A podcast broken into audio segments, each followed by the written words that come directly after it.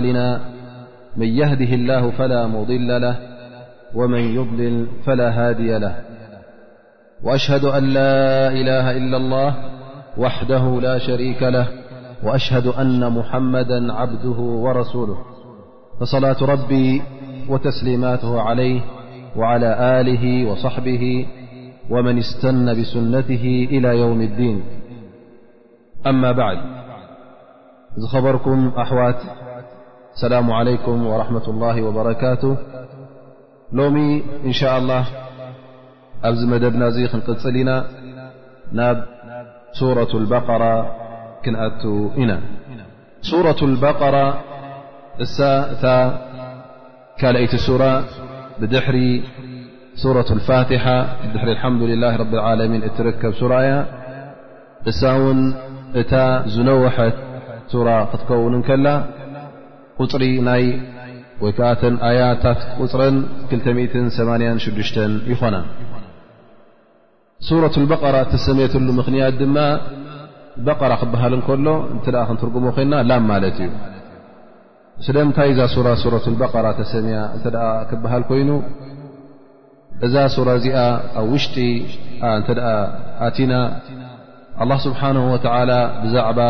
በኒ እስራኤል ታሪኾም ክጠቅስ እንከሎ ሓደ ግዜ ላም ንኽሓርዱ ኣዚዝዎም እሞ እዛ ላምሲ እንታይ ትመስል እያ ቀያሕ ድያ ጸላሚ ክሓቱ እቲ ዝሓብእዎ ነገር ንኸይፍለጥ ንነብላ ሙሳ ንኸታልሉ ዝሓሰብሉ ብዛዕባ እዛ ላም ታሪኻ ስለ እተጠቕሰላ ከም መለለይ ማለት እዛ ሱራ እዚኣ ነዛ ላም ስለ ተጠቐሰትላ ሱረት በቀራ ተባሂላ ትፅዋዕ እዛ ሱራ እዚኣ ድማ ጥራይ እቲ ዕብታ ብቁፅርታት ናይ ኣያታት ኣይኮነን እንታይ ደኣ ናታ ናይ ገዛእ ርእሳ እውን ብልፅቲ ወይ ከዓ ዓብዪ ብልፀት ዘለዋ ሱራ ዓظማ እያ ምኽንያቱ ነቢና ሙሓመድ صለ ላሁ ለ ወሰለም ብዛዕባ ናይዛ ሱራ እዚኣ ብልፀታ ክጠቕሱ ከለዉ ኣብ ብዙሕ ኣሓዲ ጠቒሶምልና እዮም ካብቲ ነዛ ሱራ እዚኣ ዝጠቅስ ሓንሳእ ነቢና ሙሓመድ صለ ላه ለ ሰለም ንበይና እንታይ ዓይነት ብልፀት ከም ዘለዋ ጠቒሶምልና ከምኡ ውን ናብ ካልኣይ ሳዕ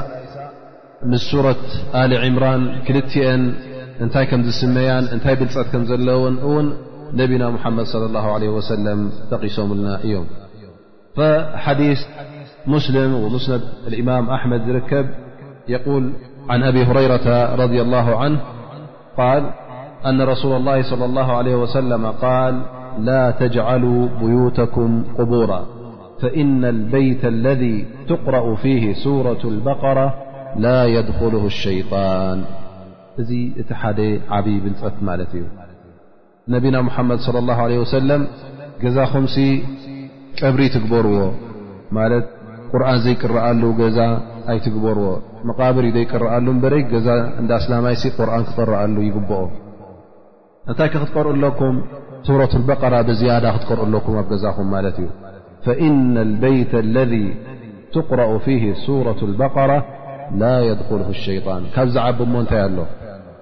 መን ከባና መን ኣሎ እዚ ሓዲስ እዚ ዳርጋ ኩላህና ሰሚዕና ኢና ኣይሰማዕክዎን ክብል ዝርከብ ውሑድ ሰብ እዩ ግን ነዚ ሓዲስ እዚ ሰሚዕና ኣብ ግብሪ ዘውዓልና ክንደይ ሰባት ኢና ምናልባሽ ካባይ ጀሚርካ ውሑዳት ንኸውን እዚ ሓዲ እዚ ዓብ ሓዲ እዩ እዛ ሱራ ድማ ቀላል ሱራ ኣይኮነትን ገዛኻ ድማ እቲ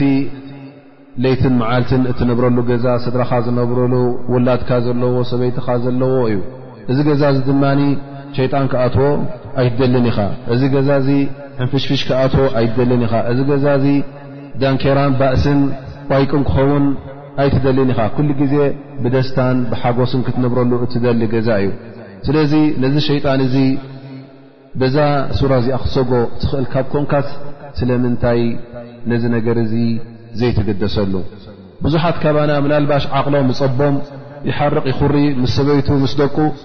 እንታይ ይገብር? እናጎየ ምጽኡ ነዛ ከርቢት ነዛ ሽጋራ ጣዕ ኣቢሉ ሽጋራ ሰቲ፣ ሽጋራ ክትርይሖ ማለት እዩ፣ መሊሳ ሳንቡኡ ትሕሩ ደኣ እምበረይ።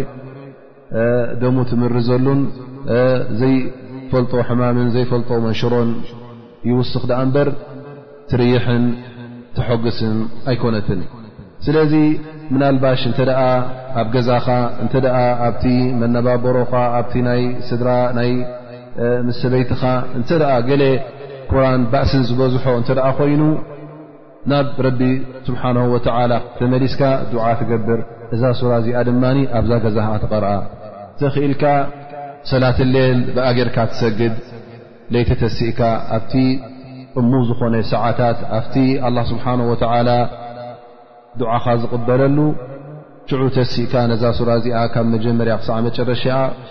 ወላ እውን ደይሓፈዝካያ እተ ኮንካ ደየፅናዕካያ እተ ኮንካ ክታብ ሒዝካ እውን ሰላተሌል ሱና ስለ ዝኾነ እንተሰገድካ እዚ ብጣዕሚ ፅቡቕ ይኸውን እንተዘይከኣልካ ውን ቀትሪ ክትቀርኣ ትኽእል እተ ሰላት ሌል ኣ ስብሓ ወላ ዘይወፈቐካ ብቀትሪ እውን ቅርኣያ ክንደይ ኣሎ ካባና ምናልባሽ ኣነስ ወስዋስ ኣለኒ ኣነስ ዓይኒ ወይ ከኣ ስሕር ወይ ከምዚ ኣለኒ ዝብል ሰብ ብዙሕ ኢኻ ትሰምዕ፣ ደቂ ኣንስትዮ ይኹና ደቂ ተባዕትዮ። ግን እዚ ነገር እዚ ነዚ ፈውሲ እዚ መን ይጥቀመሉ? ዝጥቀመሉ ሰብ ውሑድ እዩ። ስለዚ እዚ ሓደ ካብቲ ፈውስታትካ ስለ ዝኾነ ሓደ ነቲ ገዛኻ ካብ ሸይጣን ዘጽርየልካ ስለ ዝኾነ ነዛ ሱራ እዚኣ ተገዲስካ ብልጽቲ ሱራ ስለ ዝኾነት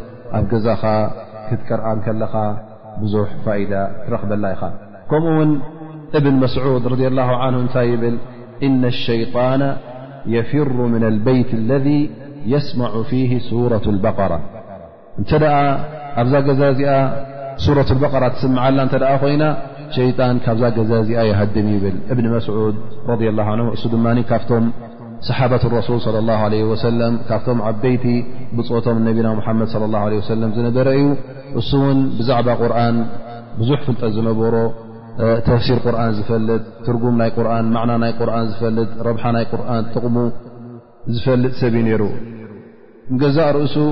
ኣነስ እዛ ቁርን እዚኣ እዛ ኣያ እዚኣ ኣብ ዝኾነት ኣያ ሕተቱኒ ኣበይ ከም ዘወረደትን እንታይ ከም ዝኾነ ትርጉማን ኣነ ክነግረኩም እቲ መውረዲኣ ምኽንያቱ እንታይ ከም ዝነበረ ኣነ እውን ነግረኩም ምኽንያቱ ካብ ነቢና ሙሓመድ ለ ላ ለ ወሰለም ተገዲሱ ናይ ቁርን ፍልጠት ይሓትትን نبا محم ف مجلس قرب ل يسمع سل نበر بዛعب قرن ب حف فلጠة ر كم ون نا محمد صلى الله عليه وسلم يبل من أراد أن يقرأ القرن غدا كما أنزل فليقرأ بقراءة بن أم عبد بن مسعود ن ح س م رن نت وررد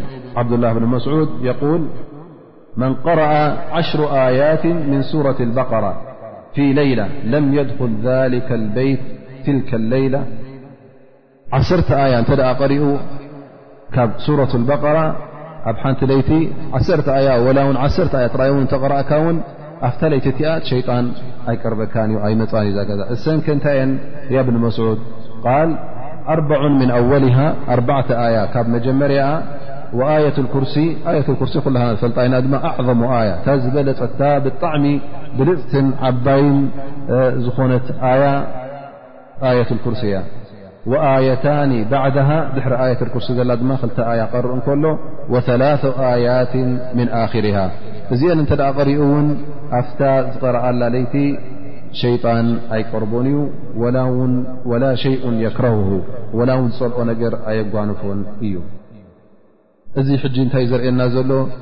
እዛ ሱራ እዚኣ ውን ብጣዕሚ ኣገዳሲት ከም ዝኾነት ካብ መዓልታዊ ናብራና ካብ መዓልታዊ ህወትና እውን ክትፈላለየና ከም ዘይብላ ኩሉ ግዜ ነዛ ሱራ እዚኣስ ብዝከኣለና መጠን ኣብ ዝረኸብናዮ ዕድል ዝረኸብናዮ ሰዓት ኣብ ገዛና ክንቀርኣ ምናልባሽ ገለ ሰባት ኣብ መስጊድ ኮፍ ኢሉ ይቀርእ ኸውን እዚ እውን ፅቡቕ እዩ ግን ገዛኻ ውን ኣይትረስዓዮ እንተ ግዜ ኣለካ ኮይኑ ሰዓታት ኣለካ ኮይኑ እቲ ዝበለፀ ኣብ ገዛኻ እንተቀረእካ እዩ ምክንያቱ እቲ ገዛ ውን ቁርን ዝቕረኣሉ ክኸውን ከሎ ሸይጣን ይሃድም ነቢና ሙሓመድ ለ ላ ለ ወሰለም ን ንሱረት በቀራ ክገልፅዋ እንከለዉ እንታይ ይብሉ የቁል ረሱል ص ه ሰለም እነ ልኩል ሸይء ሲናማ ዝኾነ ነገር ሲናማ ኣለዎ ማለት መንጉዳ ኣለዎ ማለት ጥርዚ ኣለዎ ማለት ላዕለዋይ ጥርዚ ዝኾነ ነገር ዝለዓለ ጥርዙ ንኣብነት እዚ መስጊድ እተ ወሲድና እታ ዝለዓለ ጥርዚ ዘላ እንታይ እያ እታ ሚናራ ማለት እዩ እሳ እታ ልዒላ ትረአ ማለት እዩ ስለዚ ዝኾነ ነገርሲ ዝበፅሓሉ ጥርዚ መወዳእታ ኣለዎ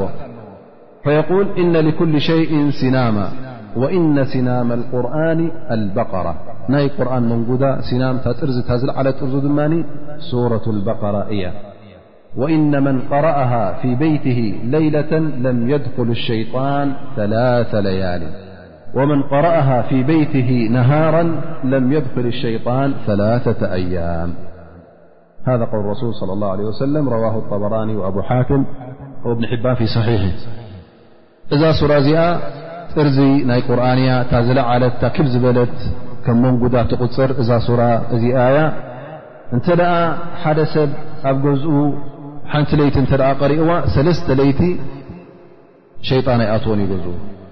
እንተ ደኣ ብመዓልቲ ቀሪእዋ ድማ ንሰለስተ መዓልቲ ገዝኡ ሸይጣን ኣይቀርቦን እዩ ይብል ስለዚ ንሕና እዚ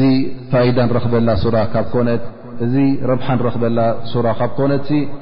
ኣብ ኢድና ዘሎ እጃባ ኣብ ኢድና ዘሎ ፈውሲ ስለምንታይ ዘይንጥቀመሉ ስለምንታይ ካብቲ ቀንዲ ፈውሲ ዝኾነ ኣላ ስብሓን ወተዓላ ዝሓበረና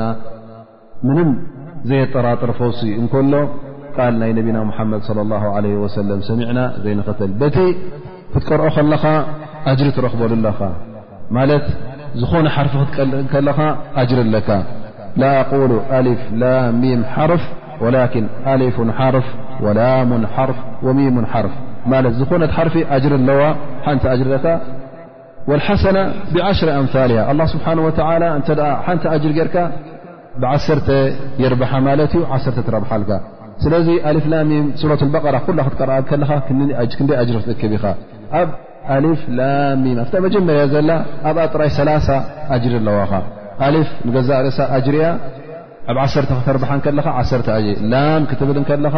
ኣጅርላታ ሚም ክትብል ከለኻ ኣጅርላታ ስለዚ እዘን ሰለስተ ፊደል ሰለስተ ሓርፊ እንተ ደኣ ኣርቢሕካየን ብዓሰርተ ክንደይ ክኾናየን ሰላሳ እሞ እዛ ክልተ ሚትን ሰማንያን ሽዱሽተን ኣያ ዝሓዘት ሱራ ክንደይ ሓርፊ ኣለዋ እሞ ዝኾነ ሓርፊ ከኣ ኣጅሪ ረኺብካሉ ኣብ ዓሰርተ እንተ ረቢሑልካ ንገዛእ ርእስኻ ንዮም ኣልቅያማ ክንደይ ሃፍቲ ትድልብ ኣለኻ ኣብ ርእሲኡኸ ናይ ኣዱንያ ረብሓ ትረክብ ኣለኻ ገዛኻ ካብ ሸይጣን ይነፅሃልካ ኣሎ ገዛኻ ገዛ ናይ ር ገዛ ናይ ታሕጓስ ገዛ ናይ ፍስሃ ገዛ ናይ ደስታ ይኾነልካ ኣሎ ኣብ ክንዲ ናይ ዳንኬራን ጸርፍን ኣብ ክንዲ ናይ ባእስን ሁከትን ዝኸውን ገዛኻ ሸይጣን ዘይቀርቦ ይኸውን ስለዚ ነዛ ገዛ እዚኣ ነዛ ምችእቲ ገዛ ንምርካብ ነዚ ጥዑም ስድራ ሰናይ ቤት ንምትካል በዛ ሱራ እዚኣ ክትጥቀም ትኽእል ኢኻ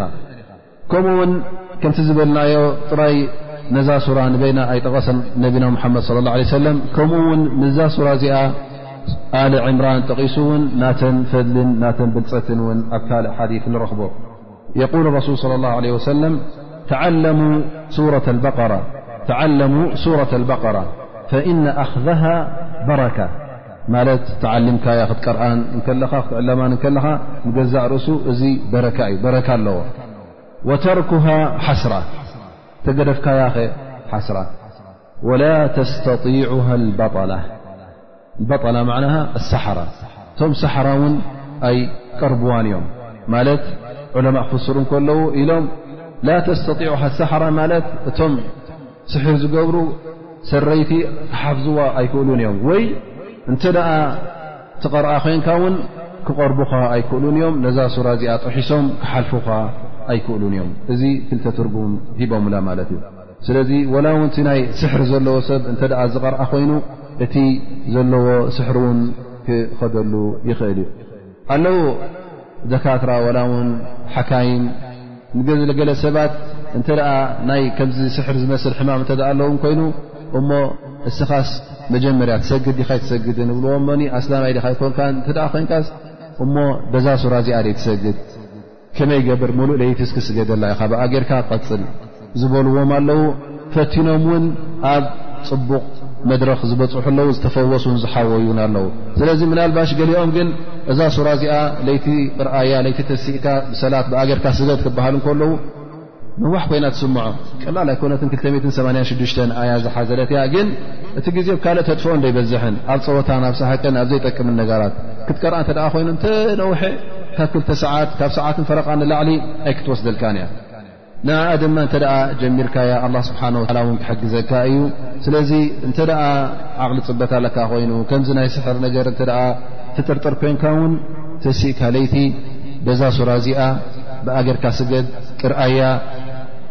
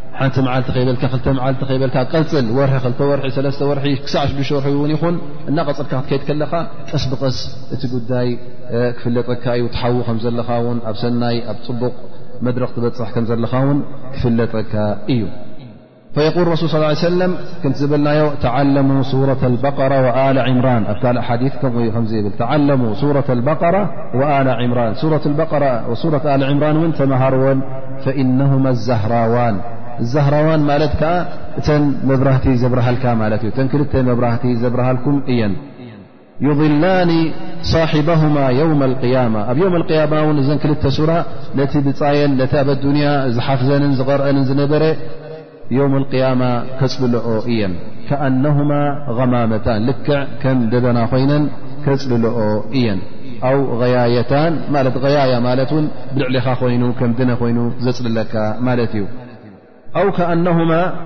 ፊርቃን ምን ጠይሪን ሰዋፍ ወይ እውን ልክዕ ከም ክልተ ጋንታ ወይ ከም ክልተ ጃንዳ ናይ ጭራሩ ተላጊበን ዝኸዳ ብመስርዕ ዝኸዳ ኣፅሊናኻ ዝኸዳ ከምኡ ብልዕሌኻ ክፅልላኻ እየን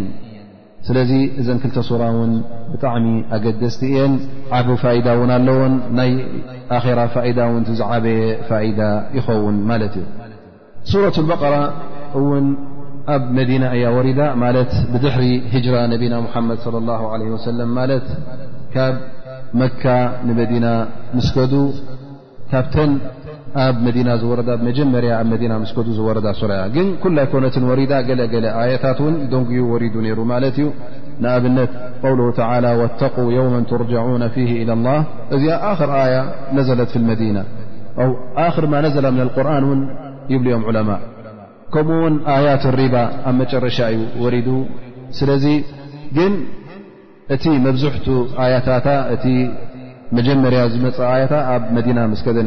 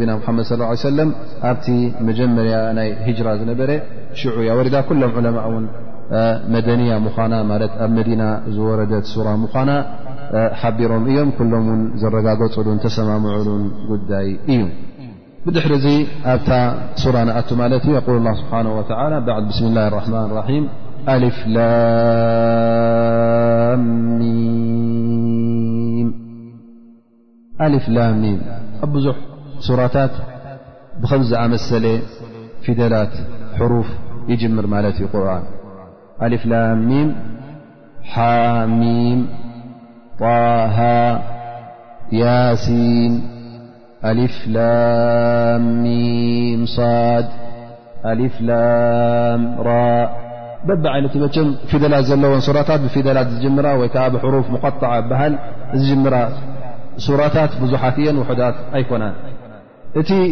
መብዝሕቶም ዑለማ ዝብልዎ እቲ ብሉፅ ተፍሲር ዝኾነ ነዘን ኣያ ነዘን ሕሩፍ እዚአን ወይ ከዓ ነዘን ፊደላት እዚአን ይብሉ እዚ ካብቲ ኣላ ስብሓን ወተላ እቲ ትርጉሙ ንዓና ዘይገለፀልና እቲ ትርጉሙ ኣብ ነፍሱ ኣላ ስብሓን ወተላ ሒዝዎ ዝተረፈ ስለ ዝኾነ ንሕና እዚኡ ትርጉሙ ክንብሎ ኣይንኽእልን ኢና እዚ እውን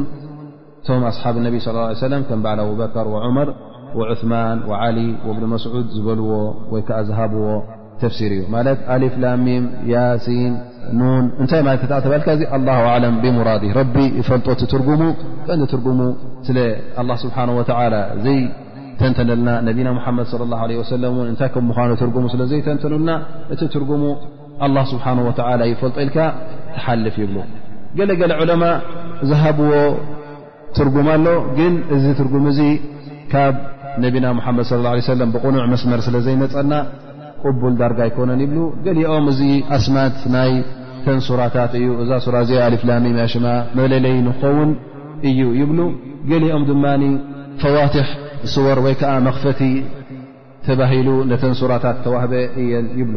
ግን እዚ ነገር እዚ እውን እጅትሃድ ዩ ዳኣ እንበር ካብ ነቢና ሙሓመድ ለ ላ ለ ወሰለም ዝመፀ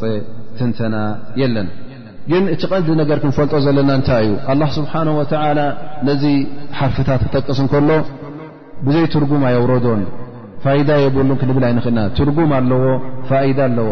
ሕና ክንፈልጦ ኣይከኣልናን ምኽንያቱ ስለዘይ ተሸራሓልና ስለዘይ ተተንተለልና ስለይ ተገለፀልና እዩ ዳኣ እምበር ኣላ ስብሓን ወተላ ነዚ ቃል እዚ ከውርዶ ከሎ ነዚ ፊደላት እዚ ከውርዶ ከሎ ጥቕሙን ረብሓኡን ይፈልጦ እዩ እሱ እውን ዝፈልጦ ስለ ዝኾነ ንፀወታ ኣይኮነን ኣውሪድዎ እንታይ ደኣ ንጥቕሚን ንረብሓን ኢሉ እዩ ኣውሪድዎ። እተን ኣብ ቁርን ዘለዋ ኩለን እተ ተን ፊደላት እተ ርእና እውን ነቲ ተደጋገመ እተ ኣውፅእካ ማለት ኣሊፍላሚም ኣብ ሓንቲ ሱራ ጥራይ ኣይኮነትን ኣብ ሱረት በራ ኣላ ኣብ ኣልዕምራን ኣላ ኣብ ሱረት ሰጅድ ኣላ ስለዚ ነዚ እተ ኣውፅእካ ተን ፊደላት እተጠቕሳ እንተ ክንቆፅረን ኮይና 14 ፊደል እየን ይብሉ እሰን ድማ ፍርቂ ናይተን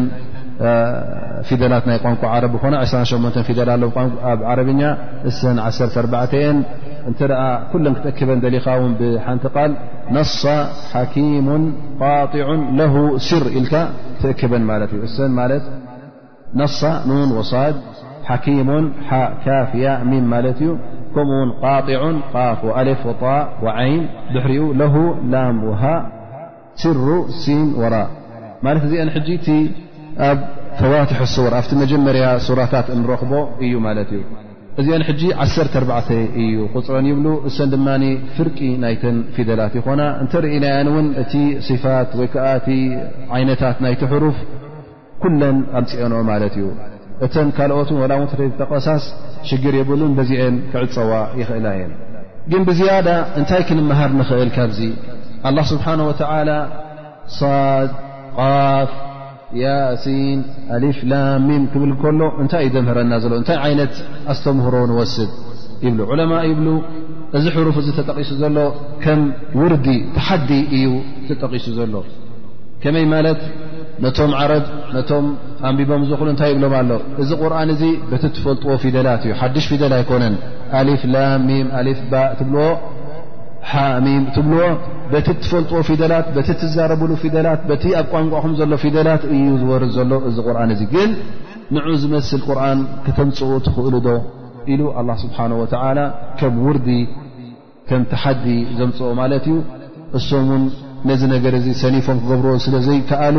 እንታይ የምፅእ ማለት እዩ ዝኾነ ይኹን ፍጡር ብጀካ ኣላ ስብሓን ወተላ ነዚ ቁርን እዚ ወይ ከዓ ከምዚ ቁርን እዚ ወላ ውን ከም ሓንቲ ኣያ ከም ሓንቲ ሱራ ትኹን ከምፅእ ሙሉእ ህዝቢ ዓለም ከም ዝሰነፈ ኩሉ ፍጡር ከም ዝሰነፈ ንምግላፅ እዩ ኣላ ስብሓን ወተላ እዚ ፊደላት እዚ ኣብ ገለገለ ሱራታት ኣላ ስብሓን ወተላ ዝጠቐሶ ኣብ ኩለን ሱራታት ኣይኮነን ግን ኣብ ገለገለ ሱራታት እናጠቐሰ እናዘኻኸረ ማለት ካብ ሱራ ናብ ሱራ እናሓለፍካ ብድሕሪኡ እውን ብዝያዳ ንክትዝክር እቲ ተጠቐሰ ኣብ ካልእ ሱራ ንኸይትርስዕ ድሕሪ ክንደይ ሱራ እውን ነዘ ጉዳይ እዚ ይጠቕሰልካ ምኽንያቱ ይብሉ እንተ ምልስ ኢልና ነዘን ሱራታት እዚአን መብዝሕተን እተ ኣተኪርና ተዓዚብናየን እንታይ ንረክብ እዘን ሕሩፍ እዚአን እዘን ፊደላት ሙቐጣዓ ክርከባ ከለዋ ተቆራረፃ ፊደላት ብድሕሪአን እንታይ ይመፅእ ብዛዕባ ናይ ቁርን ይጠቅስ ማለት እዩ ኣላ ስብሓን ወተላ ኣብ ሱረት በቀራ ሕጂ እንታይ ይብል ኣሊፍላሚም ድሕሪያ እንታይ ትመፅእ ሊከ ልክታቡ ላ ረይበ ፊ ናበይ ትኸይዳ ኣላ ማለት እዩ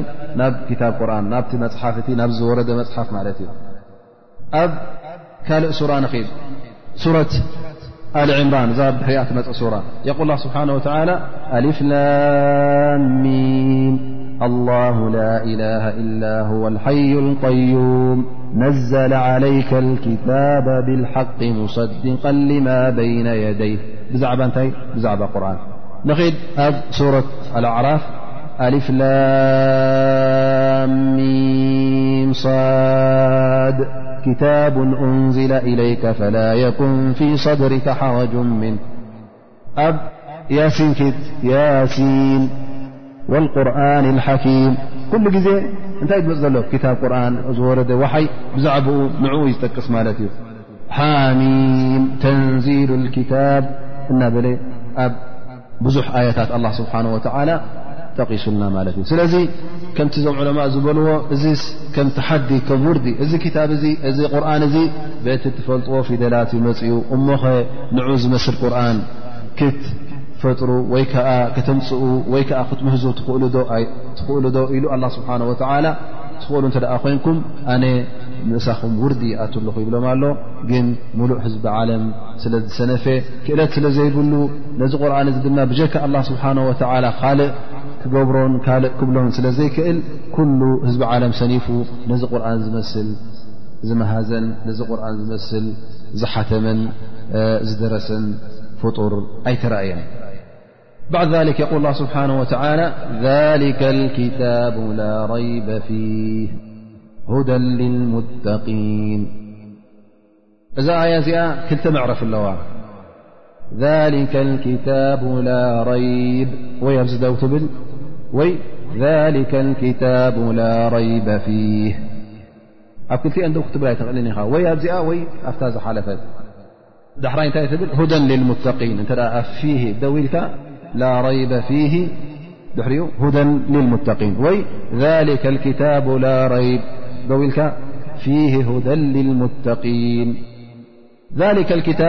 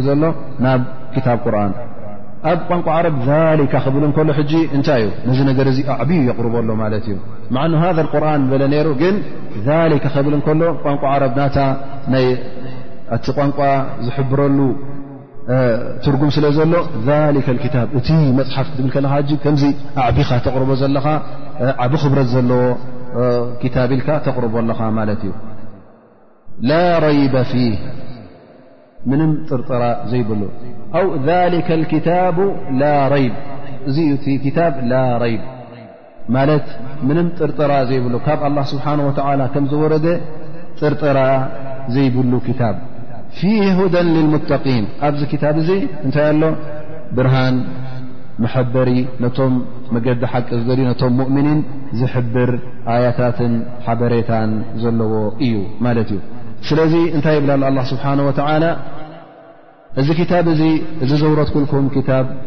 ጥርጥራ የብሉን ዘጠራጥር ነገር የብሉ ካብ ኣላ ስብሓን ወላ ከም ዝወረደ ዘጠራጥር ኣይኮነን እዚ ነገር እዚ ርግፀኛ እዩ ከምኡ ውን ኣብዚ ክታብ ዘሎ ኣብ ውሽጡ ዘሎ ኣያታት እቲ መምርሒታቱ እቲ ሒዝዎ ቐሪቡ ዘሎ መብርሂ እንታይ እዩ ጥርጥራ የብሉን ናይ ናብ መገዲ ሓቂ ዝሕብር እዩ እቲ ኣብ ውሽጡ ዘሎ ውን መገዲ ቕንዕና እዩ መገዲ ጥርጠራ ኣይኮነን እንታይ ደኣ እዚ ክታብ እዚ ንገዛእ ርእሱ ጥርጥራ የብሉን እቲ ኣብ ውሽጡ ዘሎ ውን እቲ ሒዝዎ ዘሎ መርትዖታት ይኹን እቲ ሒዝዎ ዘሎ ሓበሬታ ይኹን እቲ ሒዝዎ ዘሎ ፍርድን ውሳኔታትን ብያንን ይኹን እዚ ክታብ እዚ ጥርጠራ የብሉን ክትኣምኑን ኣለኩም ክትጠራጠሩ ውን የብሉኩም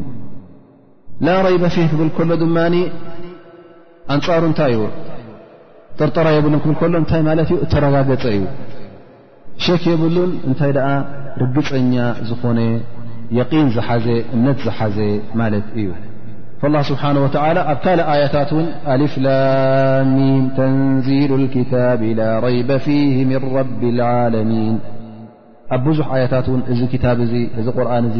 ምንም ጥርጥራ ክህልወካ ከም ዘይብሉ ኣላ ስብሓን ወተላ እንታይ ድብል ዘሎ ሕጂ እዚ ቁርን እዚ ጥርጥራ ይብሉ ካብ ብለካ እንታይ ንዓኻ ሕጂ ትእዛዝ እዩ ዘመሓላልፈልካ ዘሎ ኣይትጠራጠር እዚ ክታብ እዚ ካብ ኣላ ስብሓን ወተላ ከም ዝወረደ እመን ከምኡ ውን ኣብዚ ውሽጢ ክታብ ዘሎ እቲ ትእዛዘ ይኹን እቲ ሓበሬታይ እውን ይኹን ብኡ ውን እመን ኣይትጠራጠር ርግፀኛ ኹን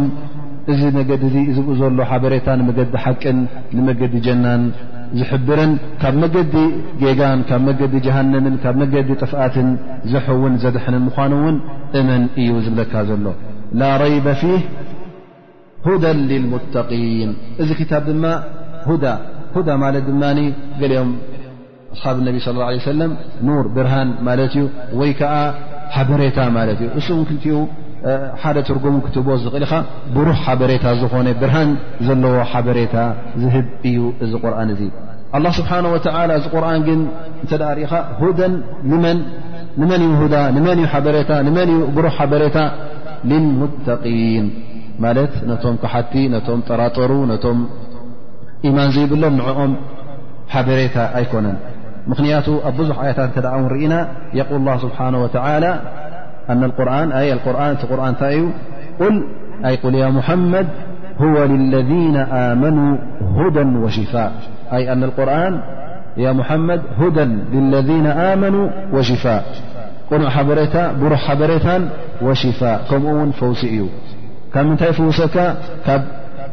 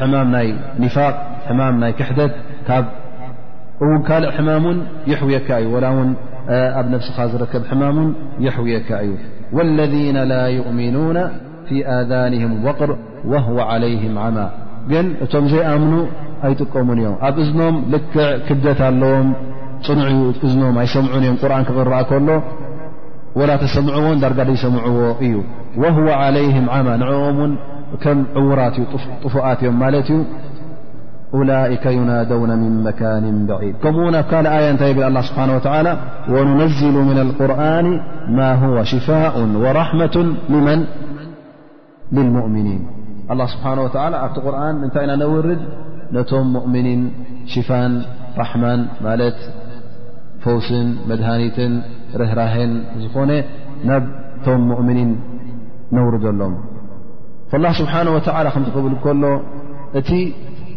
ዝኸሓደ ሰብ እቲ ብቁርን ዘይኣምን ሰብ ኣይክጥቀምን እዩ መን እዩ ዝጥቀም በዚ ቁርን እዚ እቲ ዝኣመነሉ እተ ዘይኣመንካ ሉ ኣይክትጥቀመሉን ኢኻ ወላ ውን እናሰማዕካዮ ከለኻ ከምዘይሰማዕካዮ ኢኻ ወላ ውን እናቀረእካዮ ከለኻ ከምዘይቀረእካዮ ምክንያቱ እቲ ዝበካ ዘሎ ሓበሬታ እተ ዘይትኽተል ኮንካ እቲ ዝበካ ዘሎ ትእዛዝ ዘይትምእዘዝ ኮንካ እቲ ዘጠንቅቐካ ዘሎ ነገር ካብኡ ዘይትጥንቀቕ እተ ኮንካ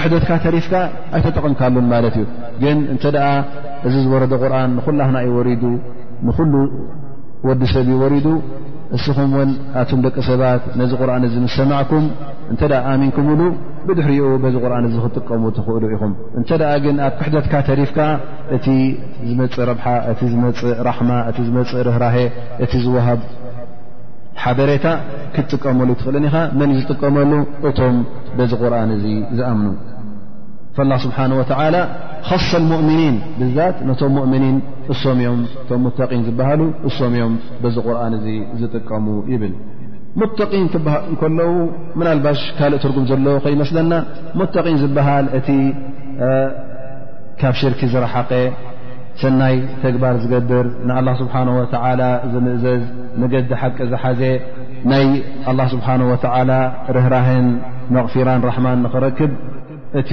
ትእዛዛት ካብ ኣላ ስብሓን ወላ እተመሓላለፈን ካብ ነቢና ሙሓመድ صለ ላ ለ ሰለም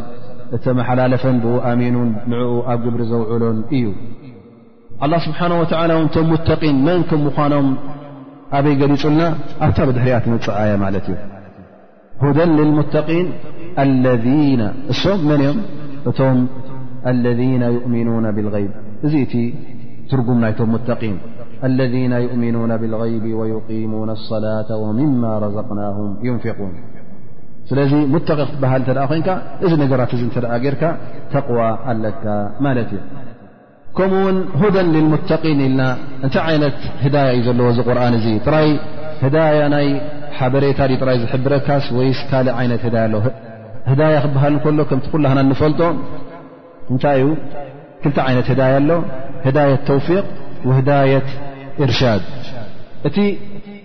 ኣብ ልብኻ ዝስቆረካ ኢማን ኣላ ስብሓን ወተላ ኣብ ልብኻ እተ ኢማን ክኸልቀካ ኮይኑ እዚ ናይ ኣላ ጉዳይ ስብሓን ወተላ እዩ ምክንያቱ ሓታ ነቢና ሙሓመድ ለ ላ ለ ወሰለም ኣላ ስብሓን ወተላ እነካ ላ ተህዲ መን ኣሕበብታ ተባሂሎም እዮም ስለዚ ነቢና ሙሓመድ ስ ሰለ ነቢ እከሎ ዋሓይ ዝወርዶም እንከሎ እውን እንተ ደኣ እስኻ ረቢ ዘይሃደየካ ረቢ ናብ መገዲ ሓቂ ኣብኡ እተ ደየስመረልካ ኣብ ልብኻ ኢማን እተ ዘይሰቆረልካ ነቢ ይኹን ወላ መላካ ይኹን ወላ ሓዉካ ይኹን ኣቦካ ይኹን ኣዴኻ ይኹን ኣብ ልብኻ ኢማን ክሰቕሩልካ ኣይክእሉን እዮም ስለዚ እዚ እቲ ዓይነት ህዳያ እዚ ድማ ናይ ረቢ ጥራይ ምዃኑ እቲ ካልእ ህዳያ ድማ ህዳየት እርሻድ ይበሃል ህዳየት በያን ማለት መገዲ ሓቂ ዝሕብር መገዲ ሓቂ ዘብርህ ማለት እዩ እዚ ድማ ነቢና ሓመድ ለ ላ ሰለም ዝገብርዎ ዝነበሩ እዩ መገዲ ሓቂ የብርሁ ነይሮም ከምኡ ውን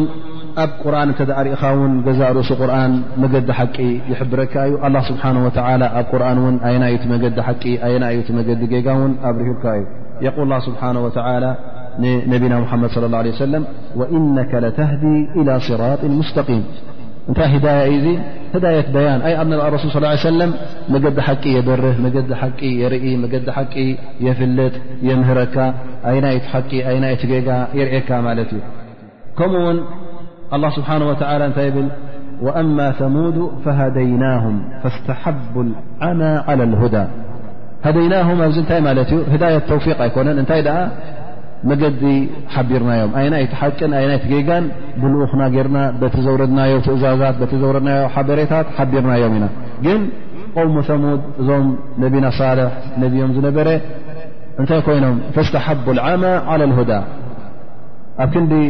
እናረኣዩን መገዲ ብርሃን ዝመርፁ እንታይ መሪፆም ዕውርናን ፀልማት መገድን መሪፆም ማለት እዩ ኣላ ስብሓን ወተላ ወሃደይናሁ ነጅደይን ወይ መገዲ ር ወይ መገዲ ሸር መገዲ ሰናይ ወይ መገዲ እከይ ሓቢሩና እዩ እንታይእዩ መገዲ ሸይጣን እንታይእዩ መገዲ ረቢ ኣላ ስብሓን ወተላ ኣብ ክታብ ቁርን ኣርእና እዩ ብኣላ ስብሓን ወተላ እተ ኣሚንና እቲ እተኣዘዘና እተ ተኣዚዝና እቲ ክታብ ቁርን ኣብ ግብሪ እተ ውዒልና ነቢና ሙሓመድ صለ ላه ለ ሰለም እተ ተማእዚዝናን ፈቲናን ነቲ ዝሃቡና ሓዲሳት እቲ ዝሃቡና ዘፅንሑልና ኣሓዲስ ንዕኡ እንተ ኣፅኒዕናን እቲ ሱናናቶም ተኸትልናን እዚ መገዲ ሓቂ ምኳኑ ንጀና ዘብፅሕ ምኳኑ ኣላ ስብሓን ወተላ ኣብሪሁልና እዩ ብካልእ ሸነክ ድማ እንተ ነዚ ገዲፍና ንሸይጣን እተ ተኸትልና ናይ እከይ ተግባር ንገብር ኣብ ክንዲ ንሓደ ኣላ ስብሓን ወተዓላ ነምልኽ ምስኡ ሽርካ ገርና ወይ ንዕኡ ገዲፍና ካልኦት ጣኦት ካልኦት ፍጡራት ንዕኦም ኣምልኾት እንተ ንህብ ኮይንና እቲ ኣላ ስብሓን ወተዓላ ዝኣዘዞ ኣይትግበርዎ ዝበለና ንዕኡ ኣዛን ፀማም እዝኒ ሂብና እንተ ደኣ ጉዕዞና ቀፂልና እንታይ ንገብር ኣለና ማለት እዩ መገዲ እከይ መሪፅና ናብኡ ንግስግስ ኣለና ማለት እዩ ላ ስብሓን ወተላ ኣየናይ እቲ መገዲ ሓቂ ኣየናይ እቲ መገዲ ጌጋ ሓቢሩና እዩ ኣርእና እዩ እቲ ምርጫ ሕጂ ንመን እዩ ንዓኻ እዩ ኣንታ ሰብ ኣላ ስብሓን ወተላ ካብዘን ክልተ መንገዲ ሓንቲ መንገዲ ንክትመርፅ ክእለት ሂቡኳ እዩ እሞ እስኻስ ምስ እእምሮኻ ኣለኻ ዶ ወይስ ኣእምሮኻ ገዲፍካ ኢ ትዛወር ዘለኻ ነየን ኢኻ ትመርፅ በዓል ኣእምሮ በዓል ቅኑዕ ኣእምሮ በዓል ዓቃል ሰብ ልቢ ዘለዎ ሰብ ለባም እንተ ኮይንካ ናይ ግድን እታ ቅንዕቲ መንገዲ እታ ንጀና ትእትወካ መገዲ እታ ብዱንያ ናብ ኣኼራን ደስታን ራህዋን ትበካ መገዲ ንዓ ክትመርፅ ኢኻ ግን እንተ ደኣ ሸቂ ኮንካ ቅርሱስ እንተ ደኣ ኮንካ ነይነይቲ ኢኻ ትመርፅ ነታ መገዲ ሸይጣን ነታ ሕማቕ መገዲ ክትመርፅ ኢኻ ስለዚ እቲ ካባኻ ዝድለ እንታይ እዩ ናይ ግድን ተቕዋ ክህልወካ ኣለዎ ሙተቒ ክትከውን ኣለካ ተቕዋ ክበሃል ከሎ ድማ እንታይ እዩ ንገዛእ ርሱ ተቕዋ እንተ ተባሂሉ ብዙሕ ዓይነት ሸርሒን ተፍሲርን የምፅሉ እዮም ዕለማ ግን እታ ዝሓፀረት ተፍሲር ነዚኣ ነቲ ትእዛዛት ኣላ ስብሓን ወተዓላ ብምምእዛዝ ካብ ቁጣዐ ኣላ ስብሓን ወተዓላ ክትከላኸል ማለት እዩ ብምንታይ ትከላኸሉ ኣላ ስብሓን ወተላ ንኸይቁጣዓልካ ትእዛዛት ናይ ኣላ ስብሓን ወተዓላ ኣብ ግብሪ ተውዕል ትእዛዛት ኣላ ትምእዘዝ ማለት እዩ ስለዚ እንታይ ጌርካ ሕጂ ኣብ መንጎኻን ኣብ መንጎ ቁጣዐን ስቃይን ናይ ኣላ ስብሓ ስቃይ ኣላህን እንታይ ጌርካ ኣብ መንጎኻን ኣብ መንጎኡን ከም መከላኸሊ ጌርካ ውቃያ ጌርካ ሓደ ግዜ ዑመር እብን ጣብ ረ ላ ን ንኡበይ እብኒ ከዓብ ረ ላ ን ይሓቶም ማለት እዩ ያ ኡበይ ይብሎ እንታይ ማለት እዩ ተቕዋ ኡበይ እብኒ ከዓብ ረ ላ ን ብሕፅር ዝበለ መልሲ ይምልሰሎም ያ ዑመር ኢሎ እሾክ ዘለዎ ቦታ ገለ ተዛዊርካን ኬትካን ኣይትፈልጥን ይብሎ ማለት እዩ ንዑመር ጣብ እዎ ከይደ ኣለኹ እንታይ ትገብር እዮ እሸሚሩ ኣጅተህድ ማለት ሓደ ሰብ እንተ እሾኽ ዘለዎ ቦታ እተ ከይዱ እንታይ ይገብር ክዳውንትኻ ንኸይ ለግበካ ስብስብ ማለት እዩ እ ኣብታሕቲ ኮይኑ ምስ ክዳንካ ከይመፀካ ትስብስቦ እንተ እሾኽ ዘለዎ ከም ገረብ መፅእኳ እንታይ ትኸብ ጎንቡስ ኢልካ ትሓልፍ እንተ ኣብ መሬት ኣላ ኮይኑ ድማ ንዓኣ ሰግራ ከይትረግፃ ተጠንቂቕካ ትሓልፋ ማለት እዩ ስለዚ እንታይ ነገርካ ትኸይድ እና ተጠንቅቕካ ትኸይድ እግርካበይ ከምተንጥበን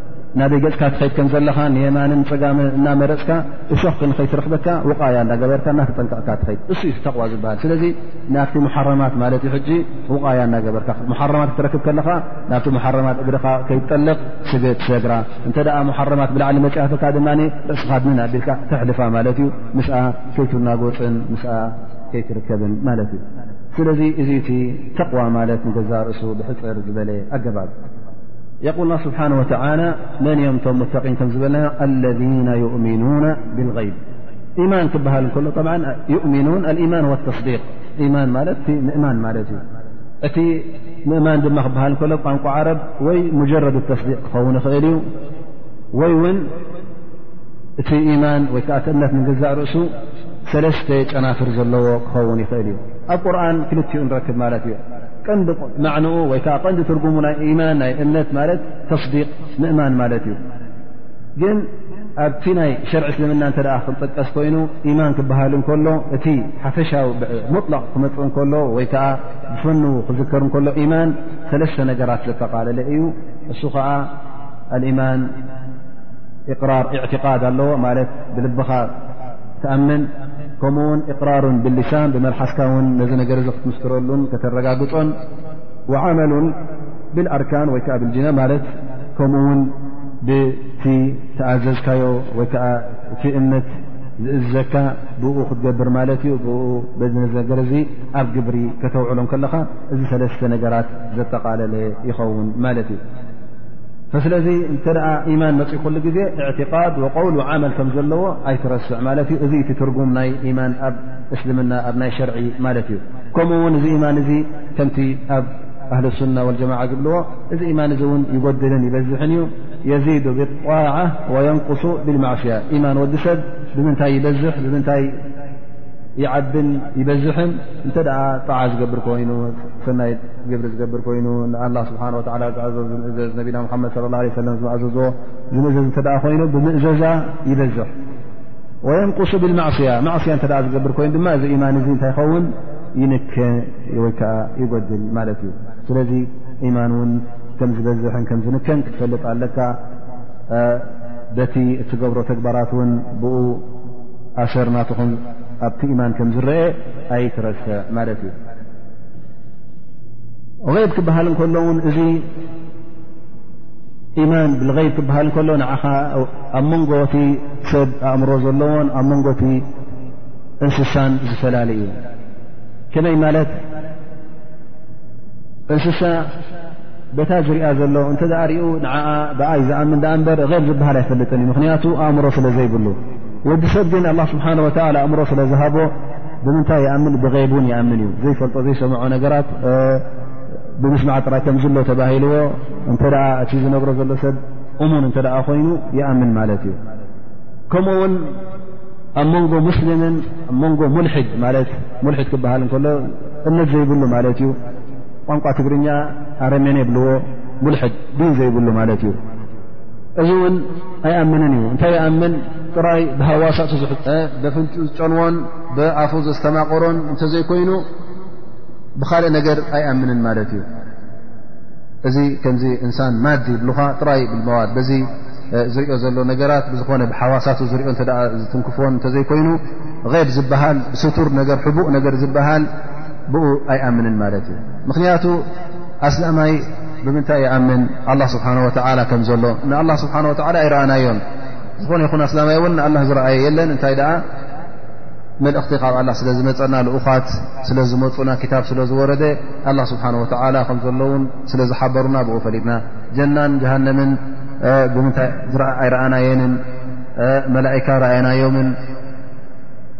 እቶም ቅድሜና ዝነበሩ ኣንብያ ኣይረኣናዮምን እቲ ቅድሜና ዝነበረ ክታብቲ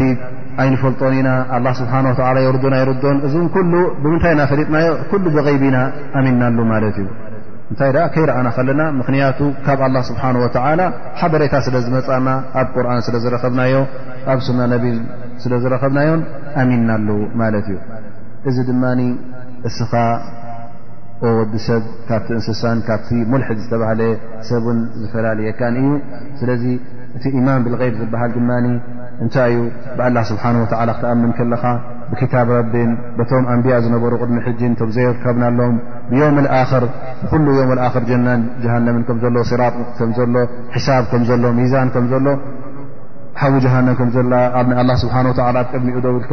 ሕሳብ ትሓስበካ ከምዝኾነ እዚ ኩሉ ክትኣምን ከለኻ ብምንታይ ተኣምን ኣለኻ ማለት እዩ ብغይብ ተኣምን ኣለኻ ማለት እዩ حد ون نبينا محمد صلى الله عليه وسلم مس بم كف لم م أصحابم كف لم كلو أبو عبيد بن الجراح ن نبنا محمد صلى الله عليه وسلم يحتهم ماتي قال يا رسول الله هل أحد خير منا أسلمنا معك وجاهدنا معك قال نعم قوم من بعدكم يؤمنون ب ولم يروني ذ جي حد ف تفدلي الله سبحانه وتعالى زهبنا مالتي ንሕና ነቢና ሙሓመድ ለ ላ ለ ሰለም ብዓይና ኣይረኣናዮምን ግን ከይረኣናዮም ከለና ነቢ ከም ዝነበሩ ዳዕዋ ከም ዝገበሩ ክታብ ቁርን እዚ ድማ ናብኦም ከም ዝወረደ እዚ ኩሉ ሕጂ ኣሚንና ኣሉ ማለት እዩ እዚ እውን ሓደ ብልፀት ከም ዘለዎ ነቢና ሙሓመድ ለ ላ ለ ሰለም ኣብዛ ጉዳይ እዚኣ እዞም ብድሕሪ ከም ዝመፁ ካባኸም ይበልፁ እዚ ማለት ድማ ንሕና ካብቶም ኣስሓብ ነቢ ለ ላ ለ ሰለም ብሓፈሽኡ ንና ንበልፅ ማለት ኣይኮነን እቶም ብድሕሪኦም ዝመፃእና ማለት እቶም ኣብዚ ግዜ ዘለና ወይ ከዓ ኣብቶም ኣስሓብ ነቢ ለ ላ ሰለም ዝመፁ እሶም ካብቶም ኣስሓብ ነቢ ይበልፁ ማለት ኣይኮነን እቲ ኩላና እናኣምነሉ ኣረሱል ስ ሰለም ኸይሩ ቁሩን ቕርኒ እዞም ምሳይ ዘለዉ ብፀተ ይሰም እዮም እቶም ዝበለፁ ማ ለና የሉነም ማ ለና የሉነም እቶም ብድሕሪኦም ዝመፁ እቶም ብድሕሪኦም ዝመፁን በብ ደረጃ እዚ እቲ ፈድልን ብልፀትን ኢሎም እዮም ግን ኣብዛ ጉዳይ እዚኣ ኢና እታ ብልፀት ዘላህና ማለት እዩ እም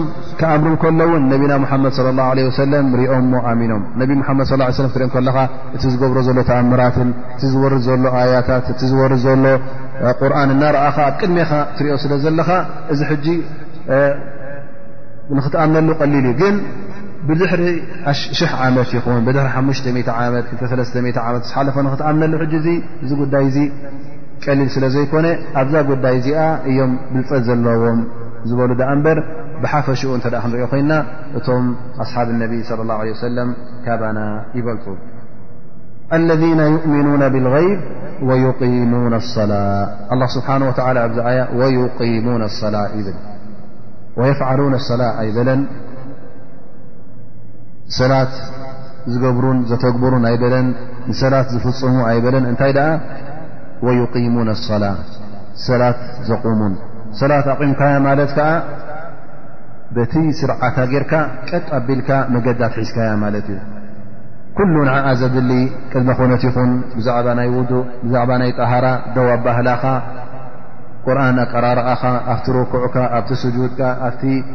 ክሹዕ ፍርሃት ረብን ኩሉ ክትርእየሉ ዘለካ እዚ ዩ ኢቃመት ሰላት ዝበሃል እንተ ገለ ካብዚ ውዲልካ ኢቃመት ሰላት ኣይገበርካ ግን እታ ሰላት ጌርካያ ኣለኻ ፍርድኻ ከቲትካ ትኸውን ግን ብሓቂ ነዛ ሰላት እዚኣ ከተቑማ እተ ኮንካ ትኽ ከተብላ እተ ኮንካ ሓደ ነገር ኣቑሞዮ ክትብል እተ ኮንካ ነቲ ጉዳይቲ ስርዓቱ ትሒዝካዮ ማለት እዩ መገዱ ትሒዝካዮ ማለት እዩ ግን ሓደ ነገር ገይረዮ ፈፂመዮ እተ ኢልካ ምናልባሽ ገለ ጉዲልካ ሉ ክትከውን ተቐል ኢኻ ግን ኣላ ስብሓን ወተዓላ እንታይ መሪፁ ወዩቂሙን ኣሰላ ነዚ ነገር እዚ ከተቑሞ ከለኻ ቀጥ ኢሉ ማለት ሰጥ ኢሉ ማለት እዩ ትኽ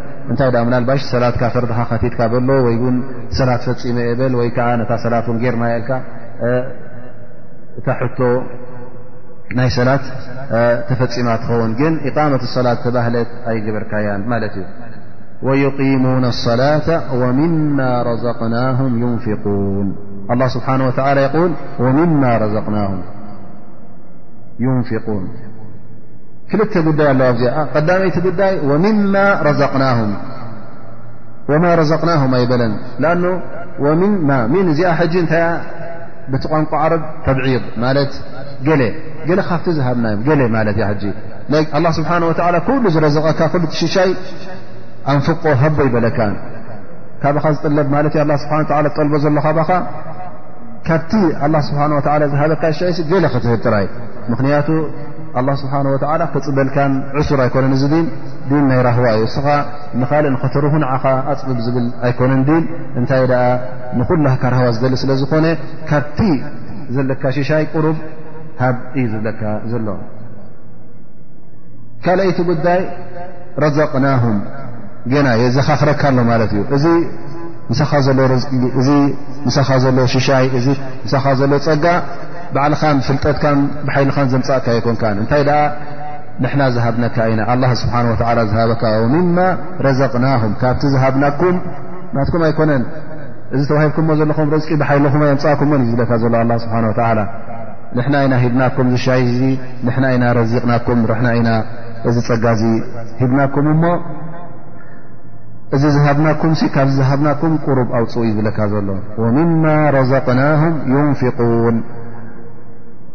ዩንፍቁን ክበሃል ከሎ ኣላ ስብሓን ወተላ እውን ኢንፋቅ ዘኪሮ ኢንፋቅ ማለት ኩሉ እቲ ዋጅብ ዝኾነ ኢንፋቅ ከም ዘካት ዝኣመሰለ ወይ እውን ንስድራኻን ሰበይትኻ ንደቅኻን ነቶም ዋጅብ ዝኾነ ስድራ ቤትካ ንክተዕንግሎም ዋጅብካ ዝኾነ ንዕኡን ነቲ ሙስተሓብ ዝኾነን ንኽልቲኡ ዝዕብልል ይኸውን ማለት እዩ ምኽንያቱ ክልተ ዓይነት ኢንፋቅ ኣለካ ወጪ ተውፅኦ ኣለካ ሊላ ኢልካ ተውፅኦ ወጪ ክልተ ዓይነት እዩ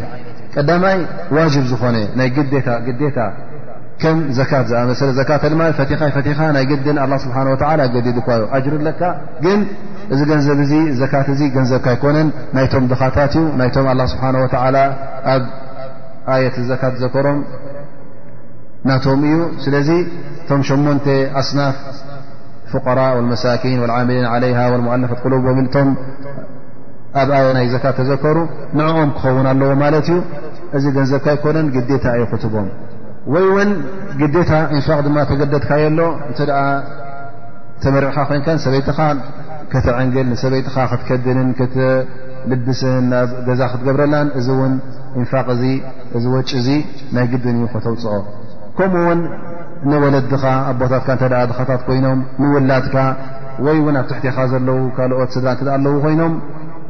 እዚኦም ሕጂ ንኸተውፅእ ግዴታ እዩ እቲ ካልኣይ ጨንፈርከ ሙስተሓብ ዝበሃል ኣላ ስብሓን ወተላ ፍቱ ዝገበሮ እሱ ድማ ከም ደቢ ዓይነቱ ሰደቃ ንኣይታም ይኹን ንየቲም ወይ እውን መበለት ሰብኣያ ዝሞታ ድኻ ዝኾነ ሰብ ሰደቃ ንኽትህቦ ፍሉይ ዘይኮነ ገንዘብ ዝከኣለካ ሊላ ኢልካ ተውፅኦ በቢ ዓይነቱ ገንዘብ እዚ ድማ ካልኣይ ሸነኽ እዩ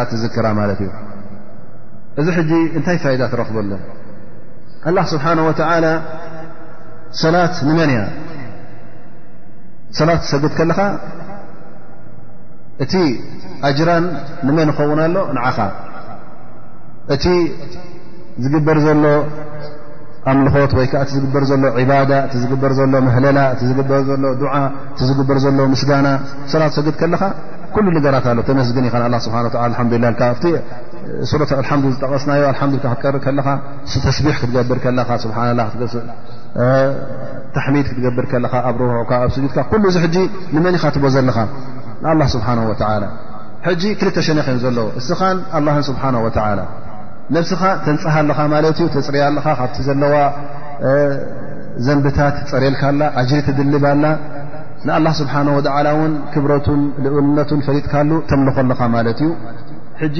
ሓቂ ላ ስብሓ ወላ መሰል ናይ ኣላ ስብሓ ወላ ሂብካ እስኻ ውን ኣጅረካ ርክብካ ማለት እዩ እዚ ካባኻ ይጥለብ ግን ኣብ ርእሲኡ ድማ ኣላ ስብሓ ወላ ካልእ ጉዳይ ክትርስዕ ኣይደልየካን እዩ እዚ እስልምና እዚ እዚ ሃይማኖት እዚ ጥራይ ውልቃዊ ረብሓ ዝደሊ ኣይኮነን እወ ነብስኻ ነዛ ውልቅኻ ረብሓ ክትደሊ ኣድላይ እዩ ኣብ ርእሲኡ ግን እቲ ህብረተሰብ ክትርስዖ የብልካ እቲ ካልእቲ ረብሓ እውን ናበይ ክሓልፍ ኣለዎ ናብቲ ሓዉኻ ናብቲ ካልእ ሸነክቲ ህብረተሰብ ንገዛእ ርእሱ እውን ረብሓ ክረክብ ኣለዎ እታ ሰላት ንዓኻ ንተንፅሃካን እስኻ ትረብሓላን እያ እታ ዘካት ግን እንታይ ትኸውን ኣላ ሕጂ እስኻ ኣጅሪ ክትረክበላ ኢኻ ትረብሕ ኢኻ እቲ ድኻ እቲ ትቦ ዘለካ ገንዘብ ከ እንታይ ክረብሕ እዩ እቲ ገንዘብ ክረብሕ እዩ ኣብ ርእሲኡ ድማ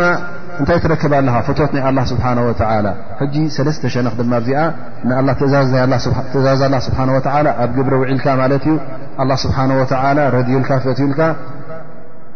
ጎይታኻ ስለ ዝኾነ በቲ ዝመእዘዘካ ድማ ትምእዘዝ ኣለኻ ማለት እዩ ንጎይታ ክትምእዘዝ ከለኻ ድማ እንታይ ትረክብ እስኻ ኣጅሪን ሰናይን ዮም ቅያማ ድማ ኣብቲ ትድልብ ኣለኻ ማለት እዩ ከምኡ ውን መን ረክብ ኣሎ ረብሓ እቲ ሓዉኻ እቲ ህብረተሰብ በይንኻ ጥራይኮምካ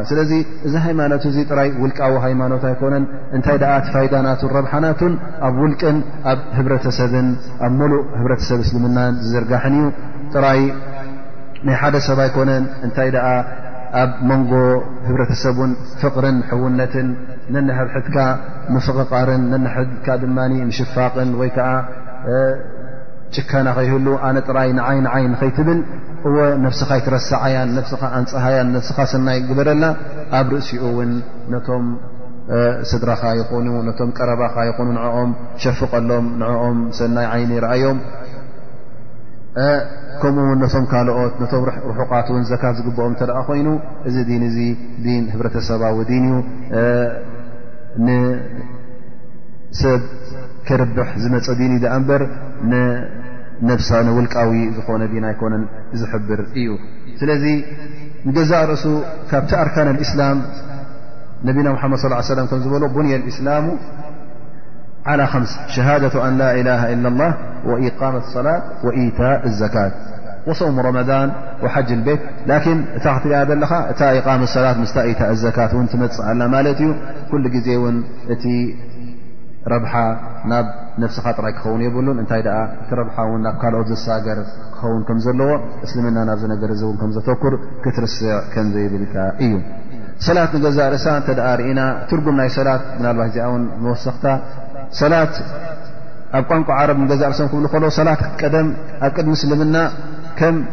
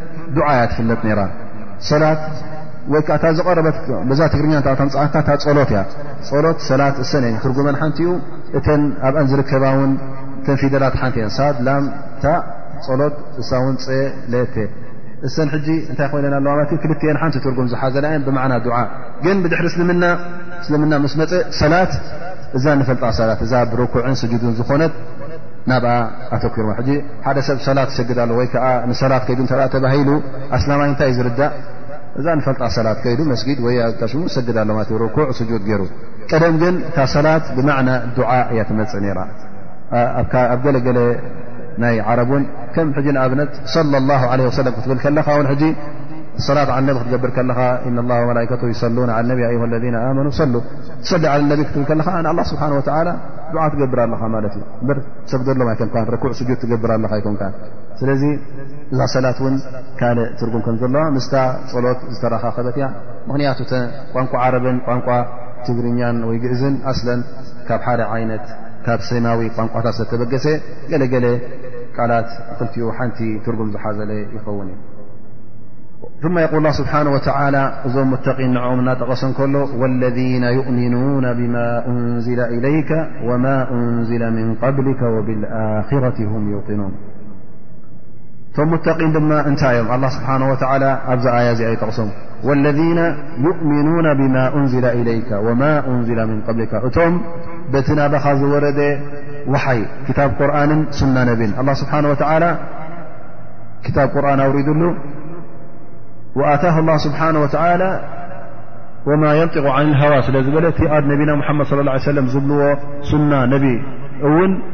وحي زحسب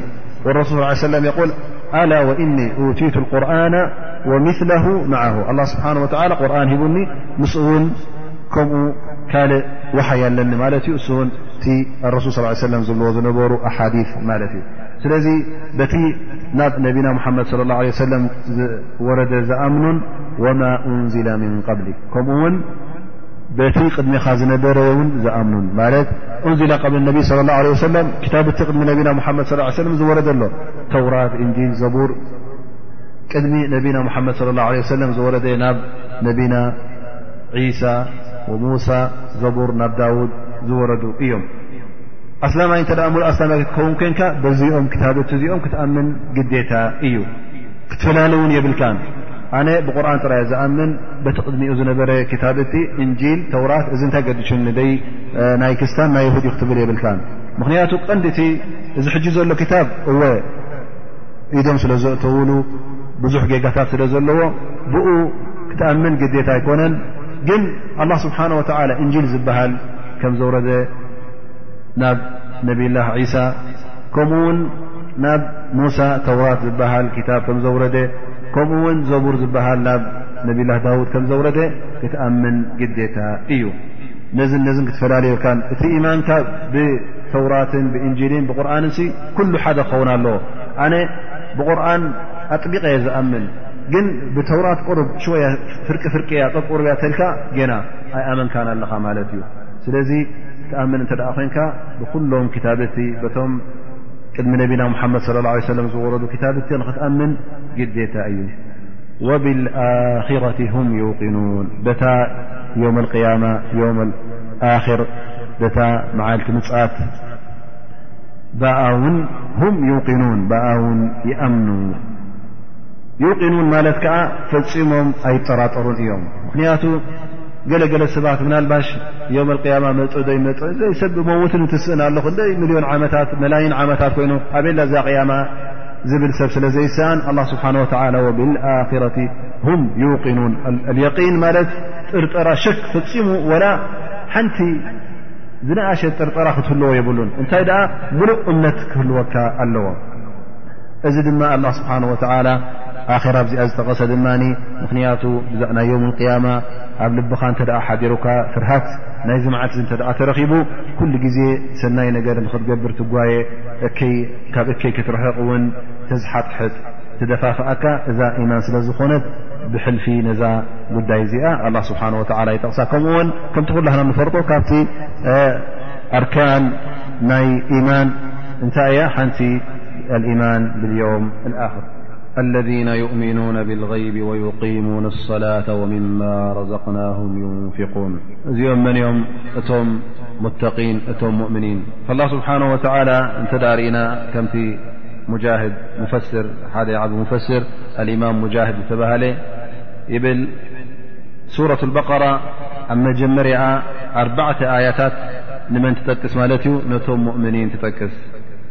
ቅፅል ናይቶም ሙእምኒን ትጠቅስ ይብል ናዓት ልልሙእምኒን ሲፋ ናይ ሙእምኒን ትጠቅስ ክልተ ኣያ ድማ ብድሕሪኦ መፃ ነቶም ክሓቲ ትጠቅስ ብድሕሪኡ ድማ ንዓሰ ሰለስተ ኣያ ኣለዋ ነቶም ሙናፍቒን ትጠቅስ ይብል እሰን ድማ እዘን ኣርባዕተ ኣያ እዘን ሕጂ ዝወሰድናየን ማለት እዩ እዘን ናይ ሎም መዓልቲ ደርስና ኩለን ኣበና ነርና ኣብቶም ሙእምኒን ዝተባሃሉ እቶም መገዲ ሓቂ ዝሓዙ ስለዚ እዘን ኣርባዕተ ኣያ ተጠቒሰን ዘለዋ ናይ ቶም ሙእምኒን ስፋት ወይ ከዓ ቅፅል ሙእምኒን ዝበሃላ መግለፂ ናይ ሙእምኒን ዝበሃላ እዚአን ሕጂ ንኹሉ ሙእምን ዝገልፃ እየን ፃዕዳ ይኹን ፀሊም ይኹን ዓረብ ይኹን ዘይዓረብ ይኹን ዓጀሚ ይኹን ንኹሉ ሙእሚን ዝገልፃ እየን እሰን ድማ ንገሊአን ወሲድካ ንገሊአን ክትገድፈን ዘይትኽእል እዩ ማለት ኣነ ብኣላ ስብሓን ወተላ ኣሚነ እየ እሞ ሰላት ክሰግድ እየ ዘካት ክህብ እየ ግን ብክታብ ቁርን ናይ ኣምን እተ ኢልካ ሙእሚን ኮንካ ኣይኮንካ ወይ እውን እንተ ደኣ ኣነ ብዮም ቅያማ ይኣምን እየ ኣላ ስብሓን ወተላ ከም ዘሎ ይኣምን እየ ግን ብነቢና ሙሓመድ ለ ላ ለ ሰለም ወ ይኣምን እየ ኢልካ ግን በቶም ቅድሚ ነቢና ሙሓመድ ለ ላ ሰለም ዝነበሩ ክታብትን በቶም ኣላ ስብሓን ወተዓላ ዘውረዶም ዝበሃሉ ዘለዉ ክታብቲ ይኹን ኣንብያእንሲ ብኦም ኣይኣምንን እየ እንተበልካ ሙእሚን ትኸውን ኣይትኸውንን ኢኻ ስለዚ እዘን ኩለን ኣውሳፍ ልሙእምኒን ተባሂለን ዘለዋ እዘን ኣርባዕተ ኣያት ጠቒሰን ዘለዋ ንገሊአን ሒዝካ ንገሊአን ክትገድፍ ኣይትኽእልን ኢኻ ስለዚ ኩለን ተለጋገባን እተጠማመራን እየን ንኹለን እውን ኣጠማሚርካየን ክትከይድ ኣለካ እንተ ሓንቲ ካብን ኣጉዲልካ ካብ መገዲ ኢማን ትወፅእ ኣለኻ ማለት እዩ ሙእሚን እውን ኣይክትበሃልን ኢኻ ሊኣን ላ ስብሓን ወተላ ጥራይ ኣብዚ ኣያ እዚ ኣይኮነን ኣብ ካልእ ኣያታት እንተ ምልስ ኢልና ኣብ ቁርን እተ ተዓዚብና እውን የቁል ላ ስብሓን ወተላ ያ ኣዩሃ ለذነ ኣመኑ ነቶም ሙእምኒን ንገዛእ ርእሶም እናፀውዐ ንኦም ክዛርብ ከሎ ኣ ስብሓ ወላ እንታይ ይብል ያ ኣዩሃ ለذነ ኣመኑ ኣሚኑ ብالله ورسل والكታብ اለذ ነዘل والكتاب الذي نزل على رسوله والكتاب الذي أنزل من قبل ي نتم مؤمنين الله سبحانه وتعالى أن وع زهاب تزازي كمن قال آياترئنا آمن الرسول بما أنزل إليه من ربه والمؤمنون كل آمن بالله وملائكته وكتبه ورسله ላ ንፈርق በይነ ኣሓድ ምን ሩስሊ ከም ዝኣመሰለ ማ ኩሎም ኣንብያ ክትኣምነሎም ኣለካ በቶም መላእካ ኣሚንካ ኢቃመ ሰላት ጌርካ እቲ ቅድሚ ሕጂ ዝነበረ መልእኽቲ ክታብቲ ኩሉ ክትኣምነሉ ኣለካ እንተ ገለ ካብ ዝጉዲልካ ሓደ ካብቲ ናይ ኢማን ጎድል ስለ ዘሎ እንተ ጎዲሉ እውን እቲ ኢማን ሙሉእ ኣይኮነን ካብ ኢማን ውን ካብ መገዲ እስልምናን ካብ እስልምናን ካብ ኢማን ውን የውፅኣካ እዩ ላ ስብሓን ወተላ እውን ነቶም ኣህል ክታብ እንተ ደኣ ብዚ ክታብ እዚ ኣሚኖም እቶም ቅድሚ ሕጂ ክርስትያን ወይ ኣይሁዳውያን ዝነበሩ እውን እንተ ደኣ ብክታብ ቁርን እውን ኣሚኖም ኣላ ስብሓን ወተላ ኣጅሮም ክልተ ሳዕ ክድርበሎም ምዃኑ ጠቂሱ እዩ እዚ ድማ ምኽንያቱ ቅድሚ ሕጂ በቲ ክታቦም ብትንተናኡ ኣሚኖም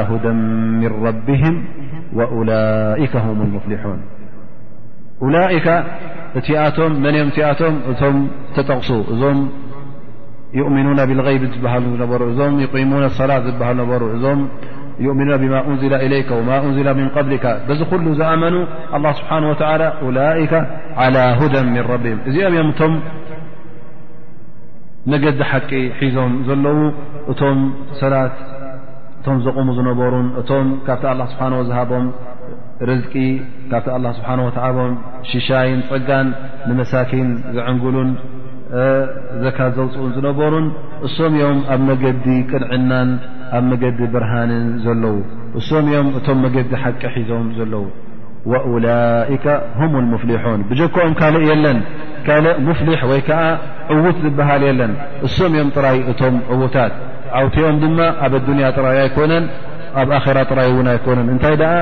ዓወቶም ኣብ ኣዱንያን ኣብ ኣራን እዩ ምኽንያቱ እቲ ዝምነይዎ ዝነበሩን እቲ ዝጠልብዎ ዝነበሩን ስለ ዝረኸቡ ማለት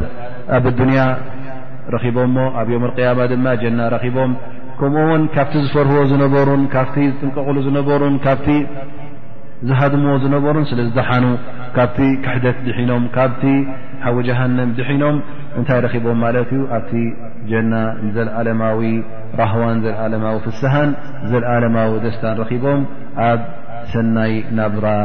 ስለ ዝነበሩ እዚኦም እዮም እቶም ብሓቂ ዕዉታት ደኣ እምበር ካልእ ዕዉት ዝበሃል የለን ዓወተኛ በዓል ዓወት ዝበሃል ንሶም ጥራዮም ኩሉ ካብዚ መገዲ ዝወፀ ዕዉት ኣይኮነን እንታይ ደኣ ኣብ ክሳራን ኣብ ሓደጋን እዩ ዘሎ ስለዚ እንተ ኣታ ትሰምዕ ዘለኻ ዕዉት ክትከውን እተ ኮንካ ኣብ ኣዱንያን ኣራን ብዓወት ክትጎናፅፍ ድልት እተ ኣለካ ኮይኑ ናይ ብሓቂ ነዛ ነፍስኻ ትፈትዋ እተ ኮንካ ነዛ ነፍስኻ ተኽብራ እተ ኮንካ ነዛ ነፍስኻ ውን ክትርያሕን ክትዕርፍ ትደሊ እተ ኮንካ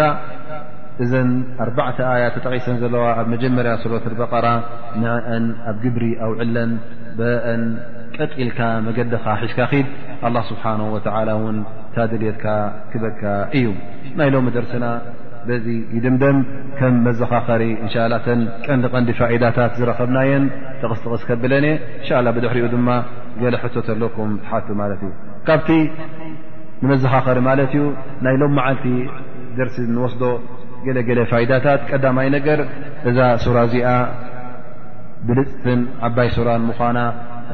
ኣብ ገዛኻ እንተቕራእካያ ሸይጣውንቲ ከም ትሰጉግ ጠቒስና ነርና እሳ ከምኡ ውን እሳን ሱረት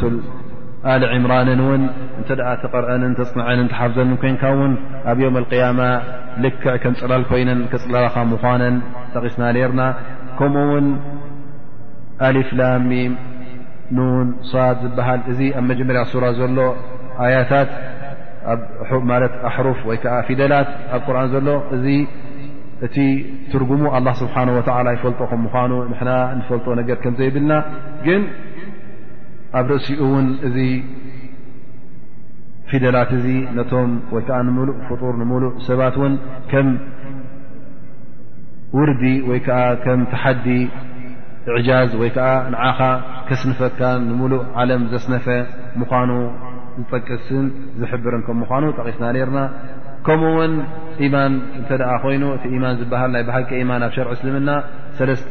ዓይነት ዘጠቓለለ እዩ ልባዊ እምነትን ከምኡ ውን መልሓሳዊ ብሂልን ወይ ከዓ መልሓሳዊ ምስክርናን ወይ ውን ከምኡ ውን ብግብሪ እተርእዮ ዓመል ብጀዋርሕ ብኣካላትካ ክትገብሮ ዘለካን እዩ እዚ ሰለስተ ነገራት ዘጠቓለለ እዩ እቲ ኢማን እውን ንገዛእ ርእሱ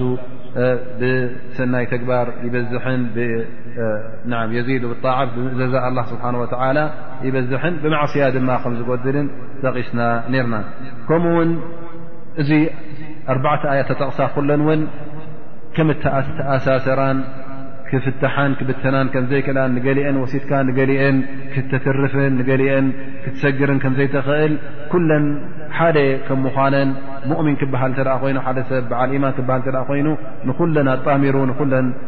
ኣኪቡ ክሕዘን ከም ዘለዎ ጠቒስና ነርና ከምኡ ውን